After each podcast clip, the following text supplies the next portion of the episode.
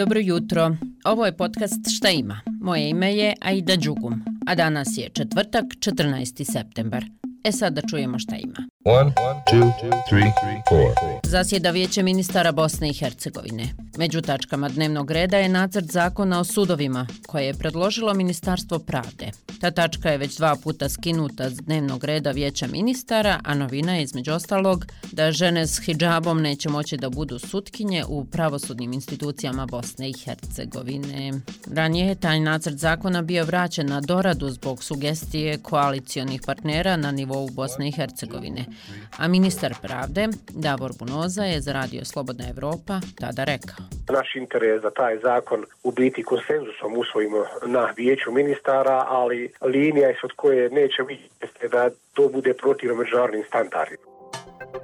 Idemo dalje. U Sarajevu počinje međunarodna konferencija povodom 30 godina od osnivanja Međunarodnog krivičnog suda za bivšu Jugoslaviju. Šta je cilj i ko će učestvovati za podcast Šta ima, govori Murat Tahirović, predsjednik Udruženja žrtava rata i svjedoka genocida, koje je, pored pokreta Majke Enklave Srebrenice i Žepe, organizator ovog događaja.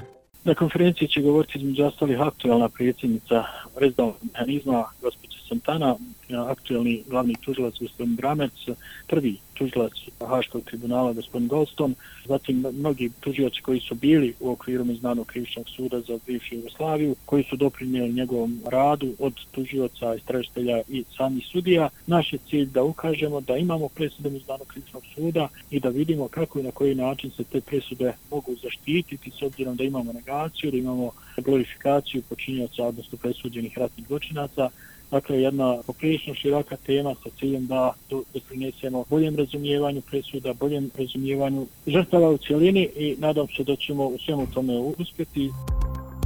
Danas u Briselu počinje nova runda dijaloga između Beograda i Prištine uz posredovanje Evropske unije. Razgovaraju predsjednik Srbije Aleksandar Vučić i premijer Kosova Albin Kurti.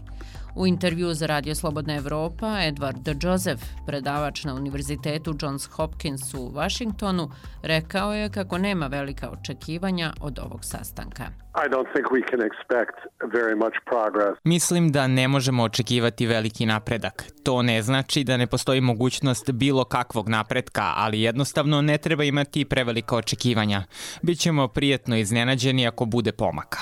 Ono što treba da proistekne iz ovog sastanka i što je važno za Brisel je da sve podsjeti da postoji sporazum između Kosova i Srbije. Važno je da Evropska unija prestane da govori o dijalogu jer postoji dogovor. Dogovor koji je Brisel ponudio i koji je postignut u februaru i martu. Sve važne teme, a kako se ispostavilo proteklih nedjelja, ova o kojoj ću sada govoriti je sudeći prema društvenim mrežama najvažnija. Ko je bio tvrtko prvi Kotromanić? Naziv je panel diskusije koju organizuje Udruženje za modernu historiju i portal historiografija.ba. Nakon postavljanja spomenika prvog i najmoćnijeg bosanskog kralja, društvene mreže su se bukvalno zapalile. Da se tako izrazim, Postavljanje spomenika poslužilo je za podsticanje rasprave prvenstveno u političkim krugovima, čiji je tvrtko bio vladar, bosanski, srpski ili hrvatski. I do početka diskusije u 18 sati, moj prijedlog je da pročitate na web sajtu Radija Slobodna Evropa tekst pod nazivom Reakcije na spomenik tvrtku prvom Kotromaniću kao odraz trenutne političke situacije u BiH. Jeste li čuli za izraz mala bara puna krokodila? E, to se bukvalno desilo u Kini kada su tokom poplava desetine krokodila pobjegle s farme za uzgoj poplave i izazvao tajfun Haikui. Kako piše BBC, službe su uspjele da uhvate pojedine krokodile i vrate ih na farmu, dok su druge usmrtili iz sigurnosnih razloga. Kineski državni mediji pak izvještavaju da je uhvaćeno osam reptila, dok su desetine još na slobodi. Zbog poplava pobjeglo je 69 odraslih i šest beba krokodila. A za sada nema podataka da su predatori napadali ljude, ali zvaničnici kažu da se krokodili dalje kriju u dubokoj vodi i da službe za vanredne situacije pokušavaju da ih pronađu sonarnom opremom. Ne bih voljela da se sretnem sa nekim lalom gatorom oči u oči. Eto toliko. Budite ujutru opet sa nama. Pozdrav!